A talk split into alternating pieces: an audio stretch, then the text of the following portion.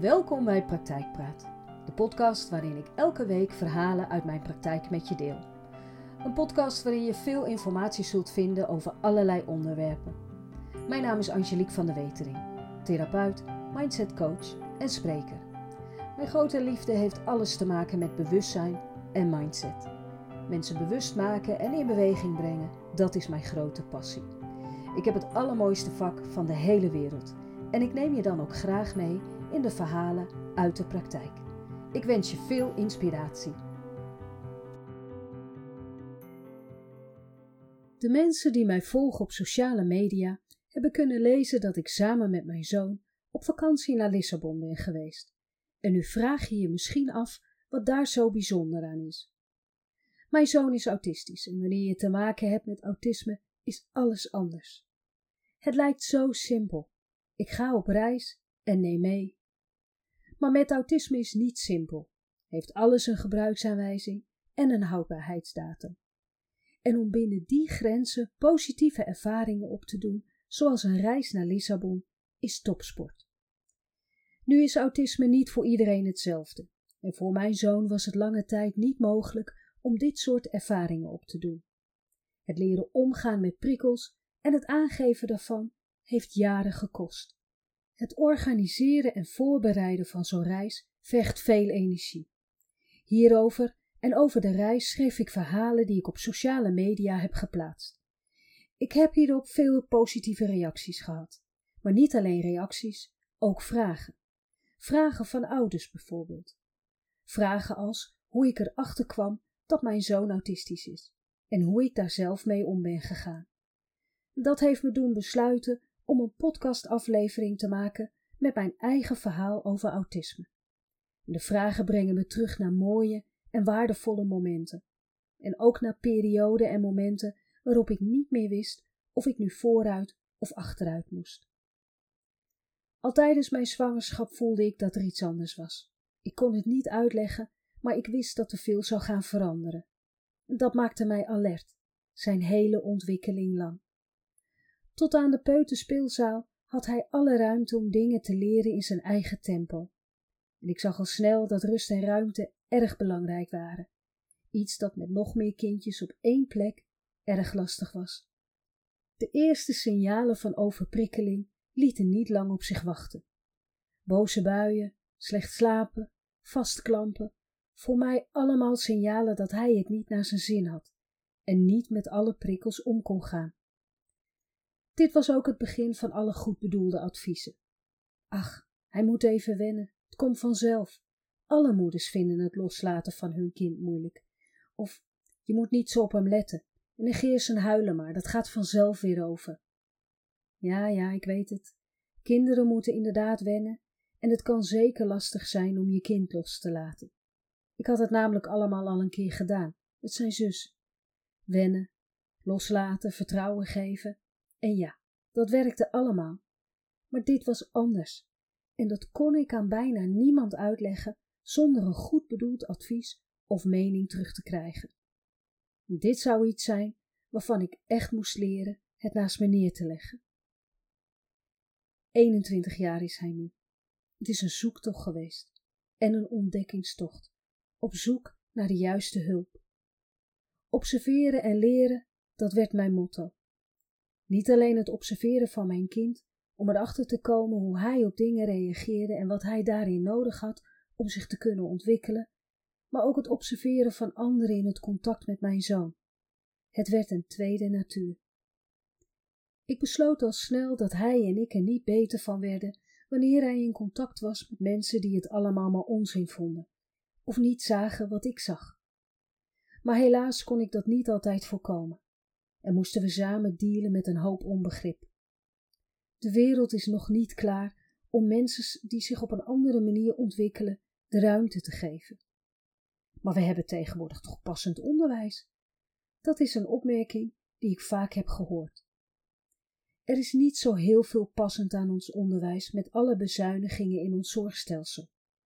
Passend betekent ook de juiste psychische zorg op school. Het eerste wat ik daarin leerde was dat niet iedereen de kennis in huis had wanneer we het over autisme hebben. Zelfs niet de zogenaamde specialisten of zorgprofessionals. Te vaak hoorde ik: nee, ik heb zijn verhaal niet gelezen. Ik wil hem eerst zelf leren kennen en laat zijn diagnose even voor wat het is. mijn haren gingen dan recht overeind staan. Ik zal je uitleggen waarom. Ik hou er niet van om overal stickers op te plakken en ging pas akkoord met een diagnose toen het echt niet meer anders kon. Met een diagnose gaan er nou eenmaal deuren open die anders gesloten blijven. Deuren die ik nodig had om ervoor te zorgen dat mijn zoon de juiste hulp en benadering kreeg die hij nodig had om zich te kunnen ontwikkelen. De opmerking: nee, ik heb zijn verhaal niet gelezen, heeft regelmatig voor problemen gezorgd. Want in zijn verhaal stond precies omschreven hoe hij kon reageren in bepaalde situaties en waarom. En dat niet alleen. Er stond ook in wat hij op dat moment nodig had om de situatie het hoofd te bieden. Door het niet lezen van zijn verhaal, en daarmee bedoel ik zijn dossier, heeft hij va te vaak moeten laten zien waar zijn grenzen lagen. Grenzen waar hij overheen getrokken werd door gebrek aan kennis. Kennis die teruggevonden kon worden in zijn verhaal. Zijn hele schoolperiode is één grote struggle geweest door het starre onderwijssysteem dat we in Nederland hebben. Het vasthouden aan de leerplicht zoals deze geldt, heeft voor te weinig ontwikkelruimte gezorgd. In Nederland geldt de leerplicht voor alle kinderen tussen de 5 en de 16 jaar. Dit houdt in dat kinderen verplicht zijn om naar school te gaan en onderwijs te volgen. En als ouder ben je verantwoordelijk ervoor te zorgen dat je kind aan deze leerplicht voldoet. Voor kinderen met autisme geldt in principe dezelfde leerplicht als voor alle andere kinderen.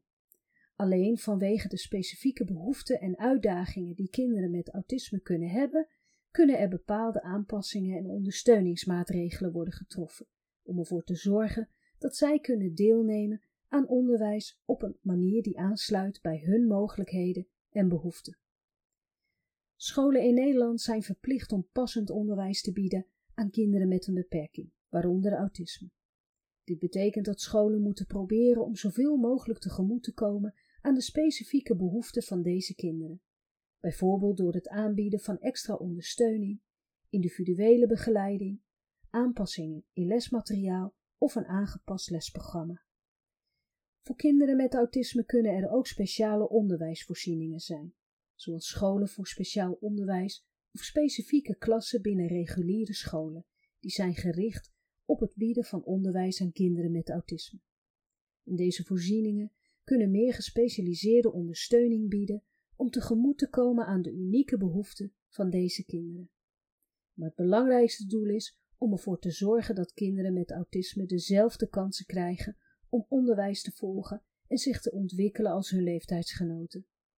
Het Nederlands onderwijssysteem streeft ernaar om inclusief onderwijs te bieden, waarbij kinderen met autisme zoveel mogelijk kunnen deelnemen aan het reguliere onderwijs met de nodige ondersteuning.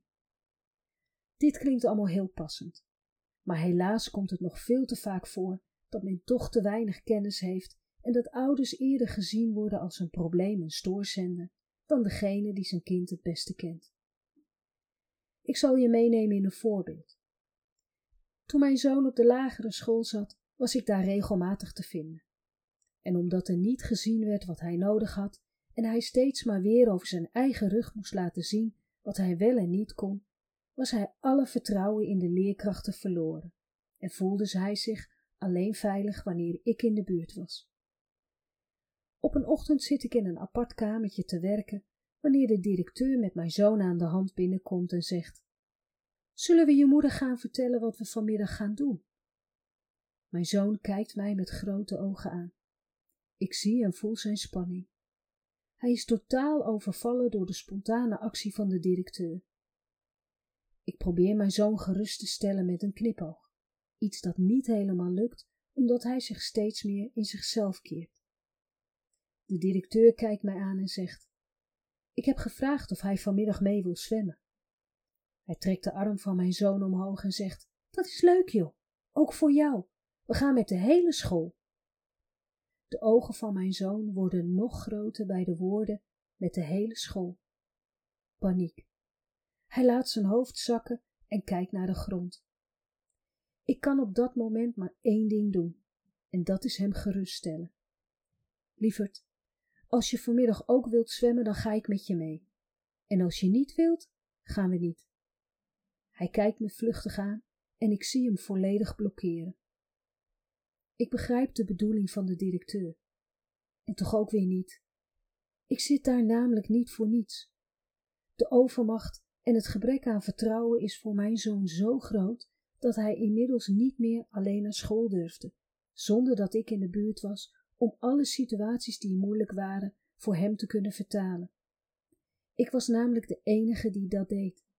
En ik was de enige die zag wat hij nodig had om met lastige situaties om te gaan. Later die week was er een overleg over de voortgang van mijn zoon. Een delegatie van zes man zat om mij heen. En ik merkte dat ik me daardoor erg kwetsbaar voelde. Van de zes mensen kende ik er twee. De rest waren volslagen vreemden voor mij.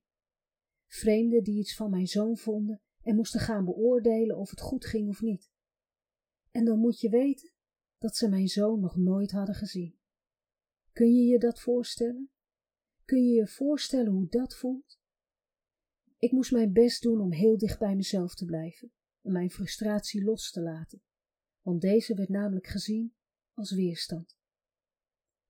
De directeur opent het gesprek en gaf aan dat, alvorens we zouden beginnen, hij eerst even wat kwijt wilde. Hij keek mij aan en ik wist onmiddellijk wat er ging komen. Rustig blijven, observeren, leren, is wat ik mezelf vertelde. Maar de storm aan emoties zorgde ervoor dat ik het liefst wilde opstaan en weglopen, want dit zou niet begrepen worden. De directeur schraapte zijn keel en zei: Angelique, ik moet zeggen dat ik het erg jammer vind dat je je zoon niet het vertrouwen hebt gegeven dat hij zelf kan beslissen om mee te gaan zwemmen. Je hebt gelijk gezegd dat je ook mee zou gaan en dat vind ik jammer. Ik keek hem aan en voelde boosheid opkomen. Hoe vaak moest ik nog uitleggen dat dit soort situaties te veel prikkels opleverden en in het geval van mijn zoon dus angst. Ik haalde even diep adem en zei: Dan heb je iets gemist. Met de hele school zwemmen is niet wat hij begrepen had. En toen hem dat duidelijk werd, kwam er angst in paniek. Ging zijn hoofd naar beneden en sloot hij zich af en blokkeerde volledig.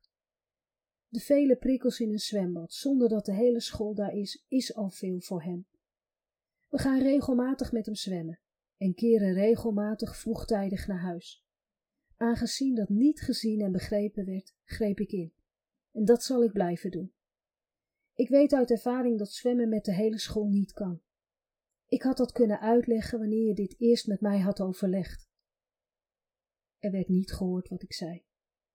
De directeur boog naar voren en zei: Toch vind ik het niet de bedoeling dat jij. En op dat moment hoorde ik iemand van Ren 4 zeggen: Ik ben het met moeder eens. Een zwembad is voor iemand met autisme een hele uitdaging en niet altijd mogelijk. Ouders weten dat. Zij hebben de ervaring en ontdekken tijdens de ontwikkeling van hun kind wat wel en niet kan. Het viel stil. En ik ben deze persoon tot op de dag van vandaag dankbaar dat hij opstond. De directeur verkleurde en zei: Mijn excuses, dat wist ik niet. Ik schudde mijn hoofd en zei: En dat is precies het probleem. Werk alsjeblieft met mij samen in het belang van mijn zoon. Ik zit hier niet om het moeilijker te maken. Ik zit hier om het voor mijn zoon makkelijker te maken en ervoor te zorgen dat hij zijn vertrouwen weer terugkrijgt. En dat kan ik niet alleen, jullie ook niet. De directeur keek mij strak aan en zei: En toch is het niet de bedoeling dat jij bepaalt hoe het hier op school gaat. Ik weet nog goed hoe machteloos ik mij toen voelde, ondanks dat ik wist dat zijn hele reactie op de situatie alles vertelde over zijn gebrek aan kennis en dat het niet zo van mij zei, ook al wilde hij mij dat wel doen geloven. Ik denk terug aan de vraag die ik kreeg hoe ik als ouder omga met het autisme van mijn zoon. Een moeder mailde mij. Toen ik de diagnose van mijn kind kreeg, stond mijn hele wereld stil en heb ik mij constant afgevraagd of ik iets verkeerd had gedaan. Kan ik de oorzaak zijn van het autisme van mijn kind? Hoe heb jij dit gedaan? Autisme ook wel bekend als autisme spectrumstoornis, is een neurologische ontwikkelingsstoornis die invloed heeft op de manier waarop een persoon communiceert, sociale interacties aangaat en informatie verwerkt. Mensen met autisme kunnen moeite hebben met het begrijpen van sociale signalen, non-verbale communicatie en het aanvoelen van emoties bij anderen. Ze kunnen ook herhaald gedrag vertonen en sterke interesse tonen in specifieke onderwerpen. Autisme kan zich op verschillende manieren manifesteren, waaronder moeite met sociale communicatie, herhalend gedrag, beperkte interesses en gevoeligheid voor zintuiglijke prikkels. Autisme uit zich bij iedereen weer anders, ook al zijn er veel overeenkomsten. En ieder persoon met autisme is uniek en ervaart autisme op een hele eigen manier. Deze neurologische ontwikkelingsstoornis heeft invloed op de manier waarop het brein zich ontwikkelt en informatie verwerkt, wat leidt tot verschillende kenmerken en uitdagingen. En omdat het dus een ontwikkelingsstoornis is, kun je geen autisme veroorzaken bij je kind. De ouders die ik dit uitleg, voelen zich allemaal opgelucht, want de eerste vraag die de meeste ouders zichzelf stellen wanneer er iets met hun kind aan de hand is, is: Heb ik dit veroorzaakt? Heb ik iets verkeerd gedaan? Het antwoord is dus nee. Nee, je hebt het niet veroorzaakt en nee, je hebt niets verkeerd gedaan. Wel is het hoe je hier als ouder mee omgaat bepalend voor de ontwikkeling van je kind. Hoe jij hiermee omgaat, heeft hier invloed op. Het ontwikkelen van een autistisch brein verloopt namelijk op een unieke manier die verschilt van de typische ontwikkeling en is afhankelijk van factoren zoals genetica, omgevingsinvloeden en persoonlijke ervaringen. In de vroege kinderjaren kan de ontwikkeling van sociale en communicatieve vaardigheden bij mensen met autisme anders verlopen. Sommige kinderen kunnen bijvoorbeeld moeite hebben met het begrijpen van sociale signalen, non-verbale communicatie en het aanvoelen van emotionele nuances. Dit kan een hele uitdaging zijn in het aangaan van interacties en vriendschappen. Want wat als je niet altijd begrijpt wat de ander bedoelt of hoe een ander het bedoelt? En hoe zie je bijvoorbeeld of iemand huilt uit verdriet of van geluk? En juist deze sociale interacties leverden voor mijn zoon de nodige problemen op. En aan mij de taak om alles uit te leggen, voorspelbaar te maken en te begrenzen. Maar wat het lastig maakte was dat de thermostaatknop van zijn emoties volkomen ontregeld was. Het gevolg daarvan was dat een beetje boosheid een enorme boze bui werd. Verdriet voelde als het einde van de wereld en angst omsloeg in totale paniek. Niet meer alleen durven slapen, nergens alleen naartoe durven. De wereld om hem heen was één grote boze jungle die hij niet begreep. Ook een belangrijk aspect van autisme is de manier waarop sensorische informatie wordt verwerkt. Signalen en gegevens die door de zintuigen worden verzameld uit de omgeving en vervolgens naar de hersenen worden gestuurd voor verwerking, wordt sensorische informatie genoemd. En dit bevat informatie zoals wat we zien, horen, ruiken, proeven en voelen via aanraking. Onze zintuigen, ogen, oren, neus, tong en huid nemen continu informatie op uit onze omgeving en sturen deze signalen naar ons zenuwstelsel, zodat we de wereld om ons heen kunnen waarnemen en begrijpen. De verwerking van sensorische informatie stelt ons in staat om onze omgeving te duiden en erop te reageren. Sommige mensen met autisme kunnen overgevoelig zijn voor bepaalde zintuiglijke prikkels, zoals geluiden, licht of aanrakingen, terwijl anderen juist ondergevoelig kunnen zijn. Mijn zoon bijvoorbeeld vond het verschrikkelijk om een spijkerbroek te dragen. Harde stoffen, sterke geuren, harde geluiden en sterke smaken zorgden voor een heftige reactie. Harde stoffen konden pijn doen, en als peuter gooide hij zich dan op de grond en weigerde nog een stap te zetten. Harde geluiden leverden angst op. Het luchtalarm dat afging op iedere eerste maandag van de maand leverde stevast paniek op. Mijn motto, observeren en leren, betekende voor mij dat ik alles wilde leren wat met autisme te maken had. Ik las boeken deed een studie ADD en ADHD, dit zijn namelijk ook autiformen, en ik zocht hulp bij de juiste mensen. Mensen die mijn zoon begrepen en mij konden helpen autisme te begrijpen.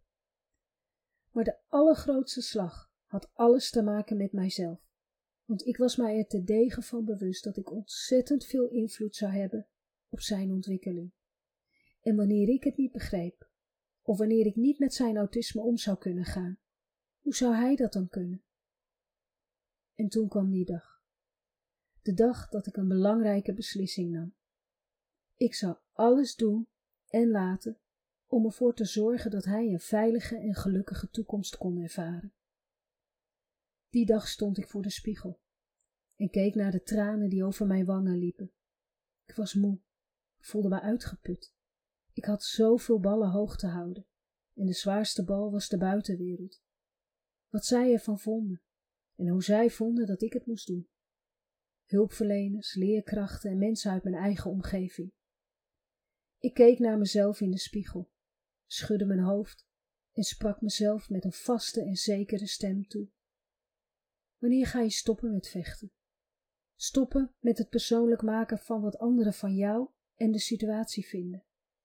Stoppen met je te focussen op alles wat fout gaat. En wanneer ga je kijken naar wat er wel is? Je weet wat er niet is. Zij, zij zijn er niet. En nu, op dit moment dat je uitgeput voor de spiegel naar jezelf staat te kijken, hoe de tranen over je wangen lopen, vertel me eens, waar zijn zij nu? Waar zijn al die mensen die het zogenaamd zo goed weten? Waar zijn al die mensen met hun mening en hun niets oplossende oplossingen? Nou, precies, niet hier. Weet je wie er wel is? Jij. En weet je wie het moet doen? Weet je wie ervoor kan zorgen dat hij krijgt wat hij nodig heeft? Jij. En vanaf vandaag kijk ik alleen nog naar oplossingen. Luister ik alleen nog naar mensen die de situatie begrijpen en ontwijk ik mensen en situatie die mij nergens brengen. Ik zag hoe mijn blik veranderde en voelde een energie in mij die ik lange tijd kwijt was. Ik was er klaar voor. Ik was er klaar mee. Vanaf die dag, de dag dat ik uitgeput naar mezelf in de spiegel keek, maakte ik de meest belangrijke beslissing die ik ooit in mijn leven heb gemaakt. Ik zou er alles aan doen en er alles voor laten om ervoor te zorgen dat hij een veilige en gelukkige toekomst kon ervaren. Mijn houding veranderde en mijn focus veranderde en ik leerde om heel dicht bij mezelf te blijven. Ik onderzocht alles, inclusief mijn eigen gevoel en gedrag. Wat had ik nodig om te kunnen geven wat nodig was, zonder er zelf aan onderdoor te gaan? Het antwoord was simpeler en lag dichterbij dan ik dacht. Zelfbewustzijn. Ik moest mijn eigen waarden, overtuigingen, behoeften en doelen leren begrijpen. Want wie was ik? Wie wilde ik zijn? Waar werd ik gelukkig van? Waar lagen mijn valkuilen en waar lagen mijn kwaliteiten? Ik moest kijken in mijn eigen spiegel en zag dat ik voornamelijk dingen deed uit angst. De angst om het fout te doen en de angst om mijn kind te verliezen in de wereld van de hulpverlening. Ik zag mijn valkuilen die ervoor zorgden dat mijn eigen angst de route bepaalde. En ik leerde mijn ijzersterke kwaliteiten kennen. Mijn doorzettingsvermogen, sterke relativeringsvermogen, maar vooral de onuitputtelijke liefde die ik voel voor mijn beide kinderen. Boven mijn huis kwam het bordje Mama Beer. En er zijn mensen geweest die hebben ervaren dat er geen chihuahua achter de deur woonde. Eerst langs mij. Vanaf die tijd veranderde er veel in onze omgeving. Er kwamen mensen op mijn pad die heel wat kolen uit het vuur voor mij hebben gehaald. Eén daarvan was Thijs. Thijs was werkzaam op de school van mijn zoon en werd later zijn persoonlijke begeleider. Het grootste talent in mijn ogen dat Thijs bezit, is het vermogen om out of the box te kijken en te denken. Thijs is ervan overtuigd dat je overal kunt leren en dat dat niet per se in de klas hoeft te zijn. Een plek waar mijn zoon door de vele prikkels niet aan leren toekwam. Thijs zag mijn zoon, letterlijk en figuurlijk, en leerde heel snel waar zijn grenzen lagen, zonder dat mijn zoon daaroverheen hoefde te gaan. Voor het eerst lukte het mij te ontspannen op de momenten dat ik niet in de buurt kon zijn van mijn zoon, om zo alles te kunnen vertalen wat hij niet begreep. Thijs liet mij voelen dat ik ook goed voor mezelf moest zorgen en herinnerde mij daar regelmatig aan. Dat waren echt spiegelmomenten. Momenten waarop ik liever niet in mijn eigen spiegel keek. Waarom? Omdat ik dan moest bekennen nog te vaak beter te zorgen voor een ander dan voor mezelf, en dat ik me daar niet altijd bewust van was. En deze twee thema's zijn uiteindelijk een rode draad in alle therapiesessies uit mijn praktijk geworden. Ik heb twee slogans. De eerste is bewust zijn. Want als je niet weet wat je doet, waarom doe je het dan? En de tweede is zorg goed voor jezelf. Je bent de enige die echt weet hoe. Deze komen voort uit de persoonlijke lessen die ik in de loop van de jaren heb geleerd. De lessen die ik in geen enkele studie heb kunnen terugvinden. Ik moet denken aan een schilderijtje die een cliënt voor mij heeft gemaakt met prachtige tekst. In de kwetsbaarheid van een ander kom ik mezelf tegen. Want dat is precies wat er is gebeurd. In de kwetsbaarheid van mijn zoon kwam ik mezelf tegen. Hoe heb ik het gedaan? Hoe ging ik om met het autisme van mijn zoon? En hoe blijf je in vredesnaam op de been? Ik denk dat mijn verhaal daar een duidelijk antwoord op heeft gegeven. Maar ik heb ook een aantal tips voor je die je eventueel kunt meenemen als reminder in moeilijke momenten. Leg de mening van anderen naast je neer. Zij die een mening hebben zijn vaak niet de mensen die jou kunnen helpen. En degenen die dat eventueel zouden kunnen, die zullen je vragen wat je nodig hebt. Probeer je niet te laten beïnvloeden door de verwachtingen van anderen. Het is belangrijk om je eigen pad te volgen, zelfs als dat betekent dat je tegen de stroom ingaat. Zorg goed voor jezelf. Verlies jezelf niet uit het oog. Zorg ervoor begint altijd eerst bij jezelf. Besteed aandacht aan je fysieke, mentale en emotionele welzijn. Neem de tijd voor activiteiten die je energie geven en stress verminderen, zoals sporten, mediteren, lezen of tijd doorbrengen met de mensen die je lief zijn en inspireren. Luister naar je gevoel. Ouders hebben iets speciaals ontwikkeld wanneer we het hebben over hun kind. En dat is het onderbuikgevoel. En wanneer je die hebt, maak deze dan bespreekbaar. Negeer dit niet. Ontwijk mensen met een sterke negatieve mening. Deze mening is regelmatig gestoeld op gebrek aan kennis en inzicht. stel grenzen. Weet wat acceptabel is voor jou. En wees bereid om grenzen te stellen wanneer anderen proberen je van je pad af te brengen.